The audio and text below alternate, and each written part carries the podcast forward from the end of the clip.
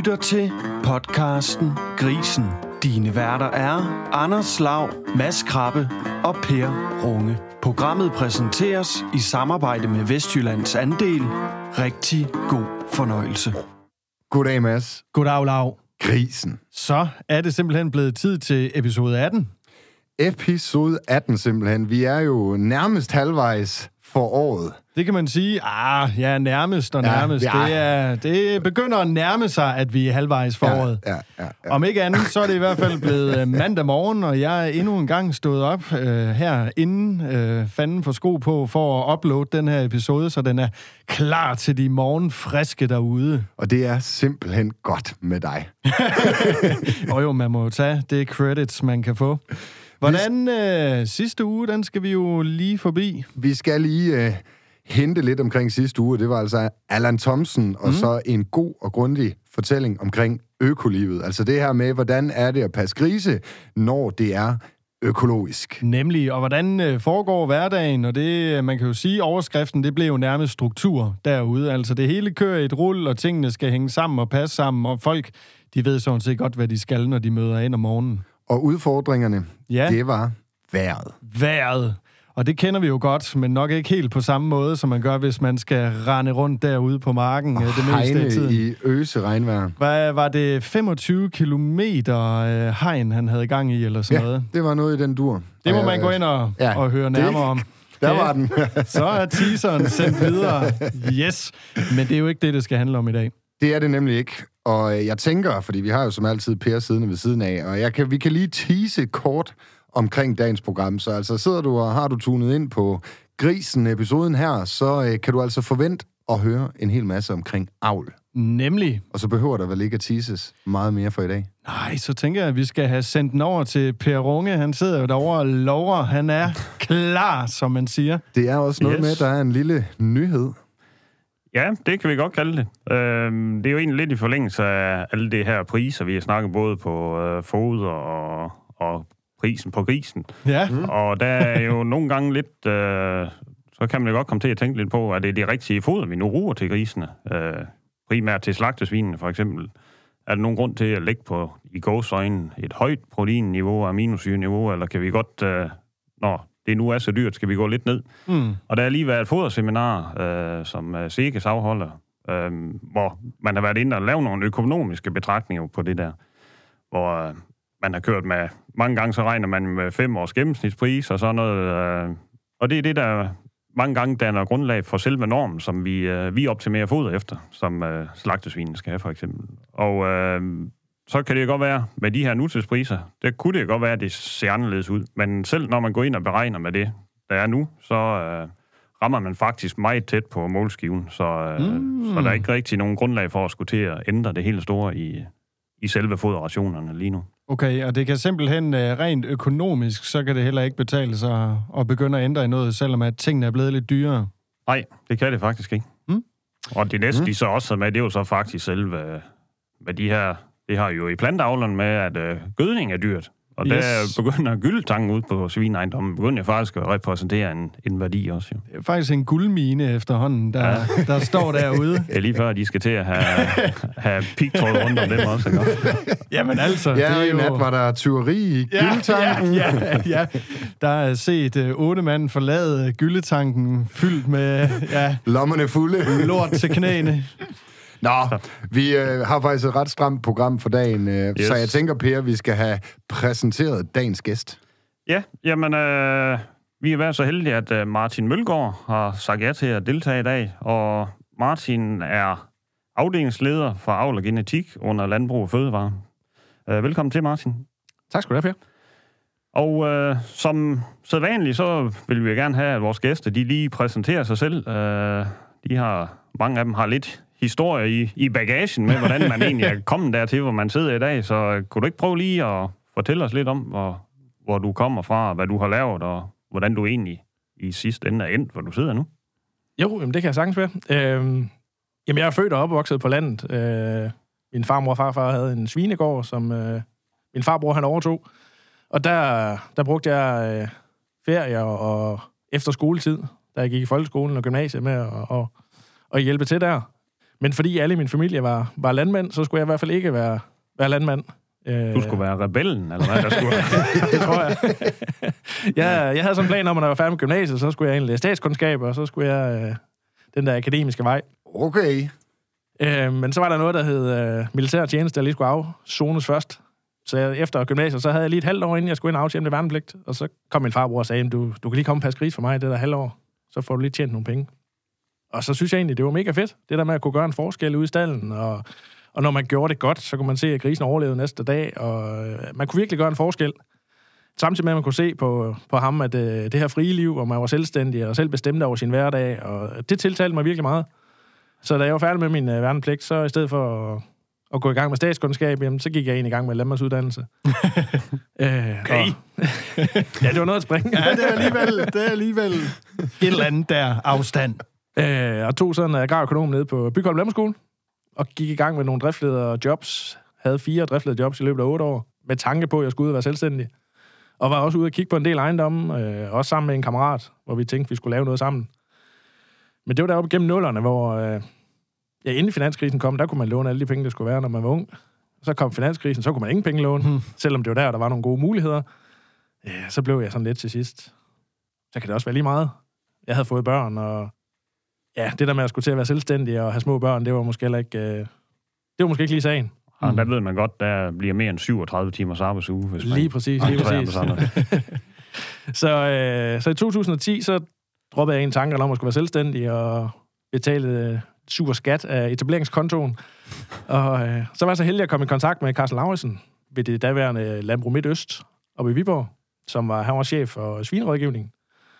Øh, jeg havde nogle tanker om, hvordan man kunne være svinerådgiver, som jeg ikke synes blev dækket på det tidspunkt.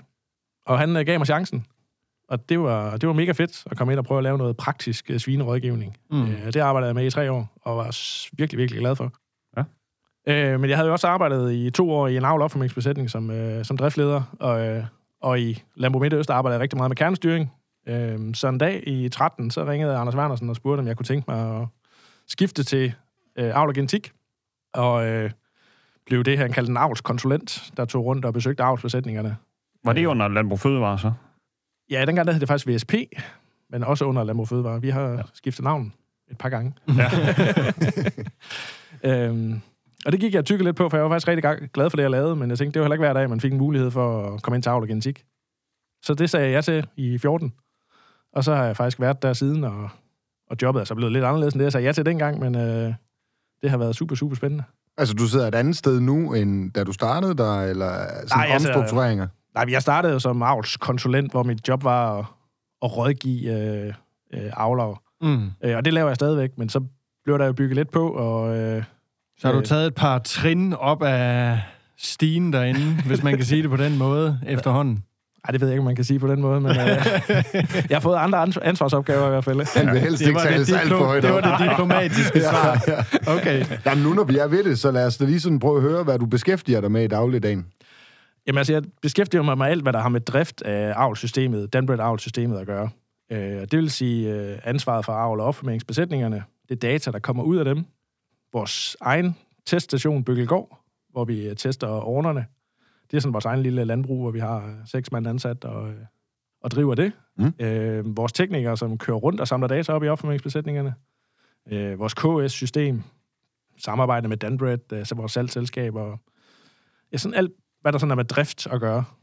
Det er det, jeg beskæftiger mig med. Det kunne måske være for lytteren, og ja, også lidt for min egen skyld, at, at du måske lige skulle sådan øh, prøve at danne rammen omkring det, det firma, du stod bag her. Jamen altså, vi har, øh, vi har et kontrakt med 22 øh, avlere i de tre raser. Øh, landrace, Yorkshire og Duroc. Mm. Og Landbrug Fødevare har en kontrakt med dem. Det vil sige, at de skal levere et vis antal renrasede kuld til os hvert år. Og udover at levere de her kuld, så skal de også gennemføre øh, noget dataopsamling og, og noget afprøvning.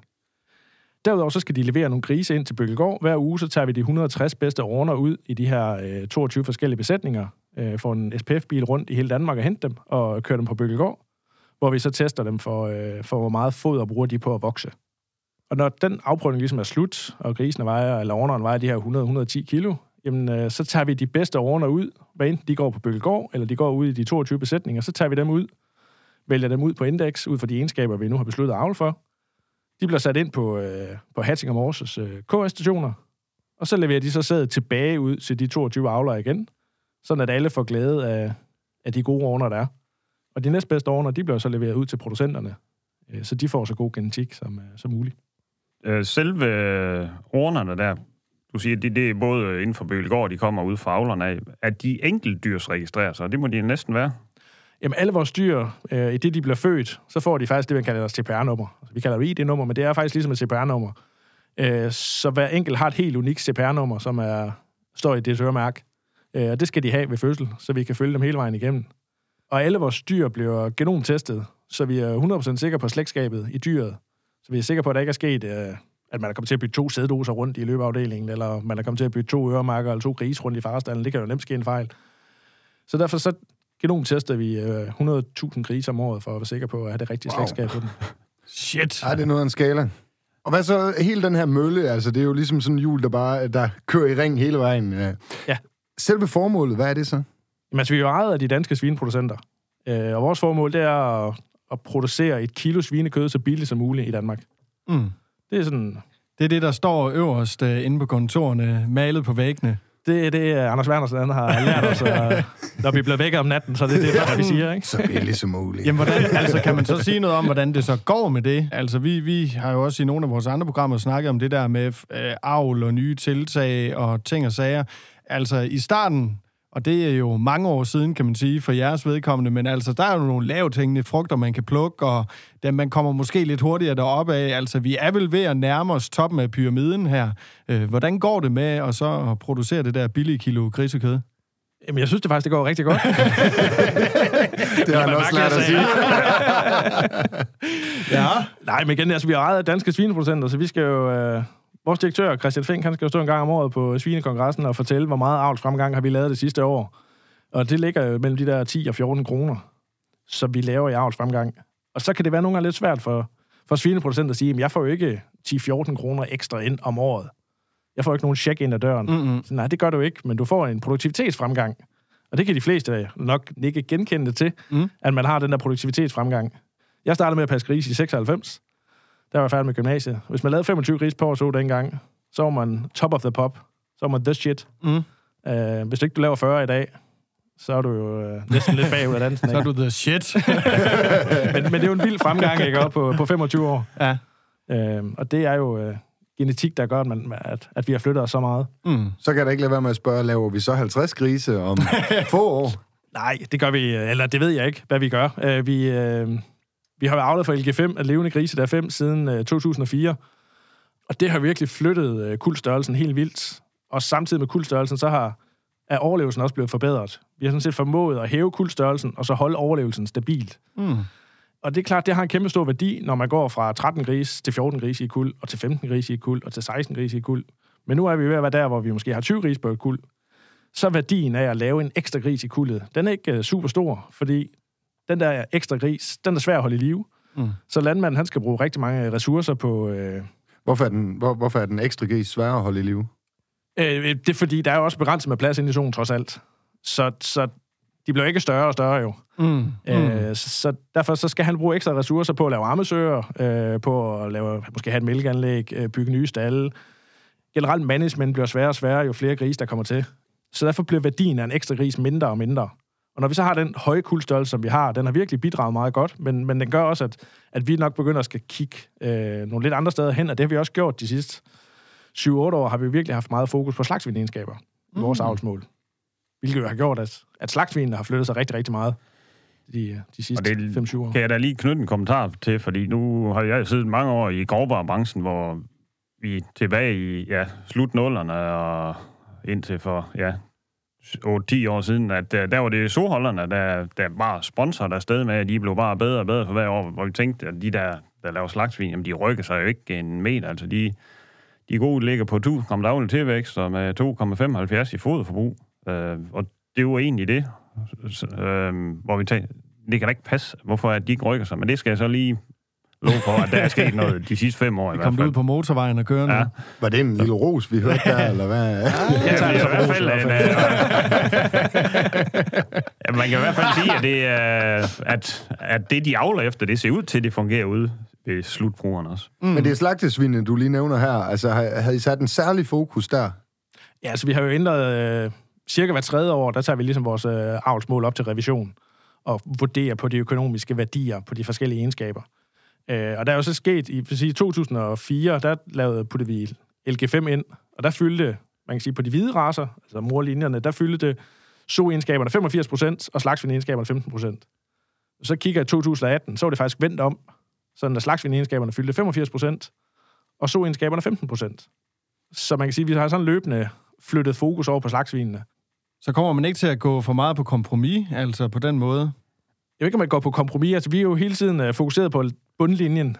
Den danske svineprocents bundlinje. Hvordan tjener han flest penge? Mm. Men det er klart, når man så avler så meget i en bestemt retning, så er der nogle... Uh, fordi egenskaberne hænger sammen. Mm. Uh, hvis du avler for, uh, for kødprocent, jamen så er styrken lidt udfordret, fordi at, uh, du får mere og mere kød og bliver større. Hvis du vokser hurtigere og hurtigere, så får du også...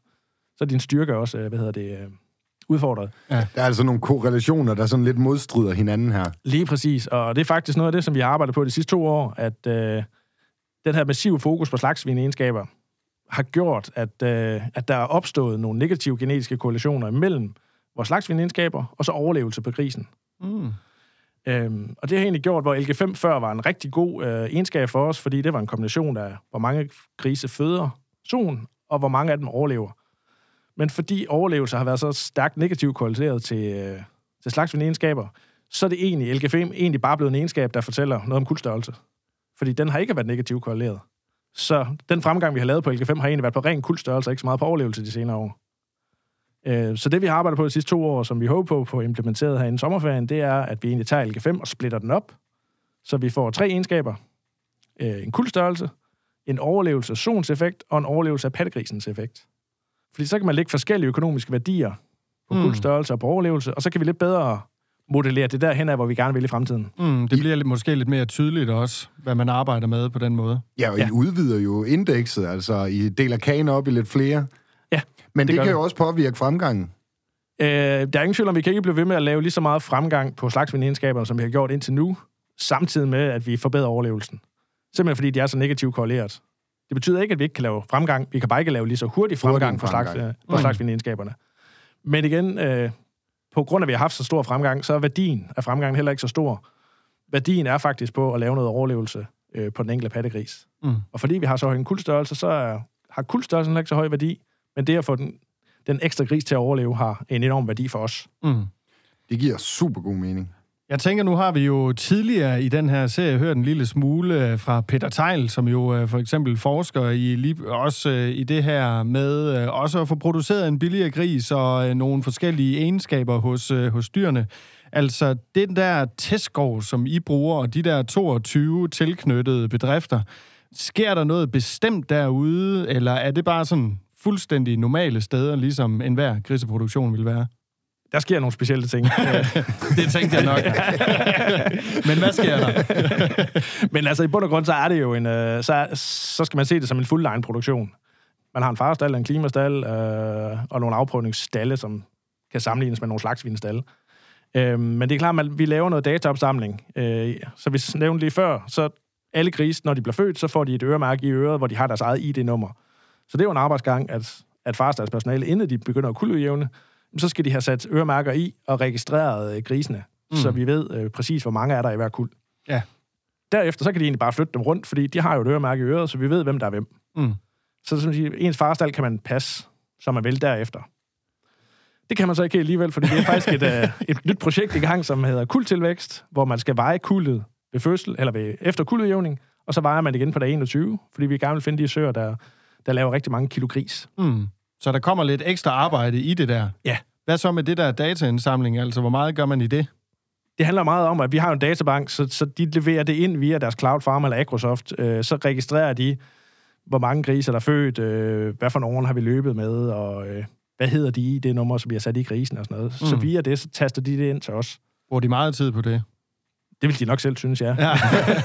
Men altså, hvordan, altså, hvad er så økonomien i det for de der, øh, hvad kan man sige, 22 bedrifter derude? I forhold til at bruge øh, noget ekstra tid og noget ekstra arbejde på ja, det har de en benefit der? Mm. Hvor det er sådan noget politisk, tror jeg, vi bevæger os over der, hvor det må jeg nok hellere passe på med at udtale mig alt for meget. Men altså, er der en mellemregning der, altså? Fordi jeg tænker, det, selvfølgelig er det spændende at være med i de der ting og så videre, men jeg kunne også, det lyder også som om, at man får også adgang til nogle spændende nye gener på den måde der. Men altså, er der noget økonomi i det at være med på den, hvis man nu sidder derude? Om, øh, hvis du er bange for at udtale om det, Martin, så kan jeg, så kan jeg jo da tillade mig at gøre det. Sådan lidt, lidt, lidt frit for leveren. Jamen, avl og opformningsbesætning, de lever jo af at sælge renrasede dyr eller krydsningsdyr øh, til, til produktionsbesætningerne. Og, og de repræsenterer, repræsenterer jo en højere værdi end en almindelig slagtesvin. Mm. Så selvfølgelig får de mere for dyrene, men de har jo også... Øh, de er typisk flere til at passe øh, de samme antal søer, fordi der er mere registrering, og mm. Nu har der også været nogle andre inde og snakke om, at øh, jamen, de der rene rasede søer, de er ikke så nemme at tumle som øh, en produktionså. Mm. Øhm, så, så der er noget omkostning, og dem skal de selvfølgelig have dækket, for ellers er der ikke nogen til at, at lave den nye genetik mm. fremadrettet. Men det er afregningen, der simpelthen gør det så? Afregningsprisen? Ja, ja, ja altså der er jo øh, en, en polt for eksempel øh, ud til en produktionsbesætning. Den, den koster jo noget mere, end, end hvis du køber en almindelig mm. smågris. Jamen, bliver nu nødt til at spørge, er der sådan lidt opdeling mellem almindelige griseproducenter og så folk, der er en del af det setup her? Jo, men sikkert selvfølgelig er der det, fordi den almindelige svineproducent, det er jo egentlig ham, der ejer vores avlsystem. Så du kan sige, i godsøjen, så har han ansat 22 avlere til at drive avlen for dem. Så et eller andet sted, så er han jo arbejdsgiver for de der 22 øh, avlsbesætninger. Det giver mening. Vi kommer jo vidt omkring her, men jeg vil faktisk lige dvæle en lille smule ved, ved den snak, eller så, øh, ja, dialog, som Mads han øh, satte i gang i forhold til hmm? selve de her 22 stalle eller øh, landbrug, hvor de øh, driver opformeringen. Selve fodersamsætningen, altså jeg kan jo næsten regne ud i forhold til, at Per han har givet dig den ære at komme med i studiet her, at, at I handler fodret ude øh, ved Vestjyllands andel, øh, uden at jeg overhovedet er blevet informeret om, om I gør det, det men det, gør, det lugter af den vej. Sådan, er der nogen forskel i selve fodersamsætningen i forhold til de her besætninger? Jamen, det er der jo. Øh, altså, og det er der to grunde til, kan man sige. Den ene, det er jo, at vi arbejder med den ypperste genetik, altså de dyr, der er længst fremme. Så på, på selve afprøvningsdelen, som ligger fra 30 til 110 kilo, der har de et andet genetisk potentiale end de slagtesvin, som producenterne arbejder med. Øh, på Bøgelgård for eksempel, vores ordner, de ligger med et foderforbrug, øh, vores dyrokordner på 2,0 øh, og en tilvækst på, på 1300 gram. Og det gør, at man skal optimere fodret på en lidt anden måde. Der skal øh, noget mere, nogle flere aminosyre i. Så derfor ligger vi med nogle normer, der er væsentligt højere på den dyregruppe, end, end det, som de gør ude producenterne. Men der er vi igen bare lidt forud, fordi der kommer producenterne også hen, når mm. avlsfremgangen kommer ud til dem. Ja, det er simpelthen fordi avlsfremgangen er det længere fremme inde i jeres kernebesætning. Ja, lige præcis. Øh, og den anden del er jo så på, øh, på så-siden, at ved at vi har skabt så meget fremgang på, på slagsvinegenskaberne, at vi har avlet så meget efter ekstra kød, jamen så de supholde, vi står med ude i avlsbesætningerne, de har stort set ikke noget fedt på sig. De har 6-7 mm fedt på sig, når de øh, vejer 110 kilo. Øh, og det er ikke super godt, når man skal være så. Så vil vi gerne have en, øh, en 13-14 mm på den. Mm. Men for at, at så nå det, fra de er færdige afprøvning ved 110 kilo, indtil de skal løbes, så giver vi noget ekstremt lavproteinfoder, som uh, Thomas Brun og kompagni har hjulpet os med at lave, uh, hvor vi simpelthen prøver at tvinge dyret til at lave noget fedt, sådan at man er klar til at skal være uh, så, og gennemføre en drægtighed og gennemføre en, en digivning. Mm. Og det er virkelig super svært, fordi at vi har, har fået så, så magre søer, fordi vi gerne vil have nogle slagtvindegenskaber der. Mm. Men godt med kulhydrater, så, øh, så sker der et eller andet. Ja, lige præcis. Så tvinger vi søerne lidt til det. Det kender vi jo godt lidt selv. og det er faktisk ikke nødvendigvis kulhydrater, som får stivelse af. Det er jo fibrene, vi skal have fat i der. Mm. Hvis vi kan huske tilbage til Peter Tejl. Ja. Det er fibre, der giver spæk. Det kunne jeg så åbenbart ikke huske. så må du hjem og høre den. Jeg kan ikke huske, hvad episode det er, men den er jo også lige givet videre til lytterne. Ind og høre Peter Tejl igen. Hør lidt om fiber og spæk. Mm. Men øh, nu har vi hørt sådan lidt om, hvad der er sket hen over de senere år, del år efterhånden. Hvad, der er garanteret noget i pipeline. Hvad, hvad, hvad, hvordan ser det ud om 5-10 år? Hvad, hvad, hvad vil vi se ud i produktionsbesætningerne der?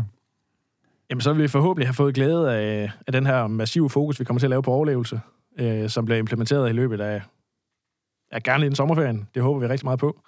Øh, så er den forhåbentlig slået igennem ude ved producenterne øh, så kuldstørrelsen ikke er steget ret meget mere end det, de har nu, men, øh, men at der er mange flere grise, der vil overleve. Plus at forhåbentlig vores øh, kuldtilvækstprojekt er kommet ud og køre, så vi får nogle øh, søer, som kan fravende flere kilo gris, som forhåbentlig gør det en lille smule nemmere at være landmand. Øh, der er jo ingen tvivl om, at med de store kuld, så har vi ikke gjort det vi har ikke gjort det nemmere, vi har gjort potentialet større, men vi har også gjort det lidt sværere at være svineproducent. Mm.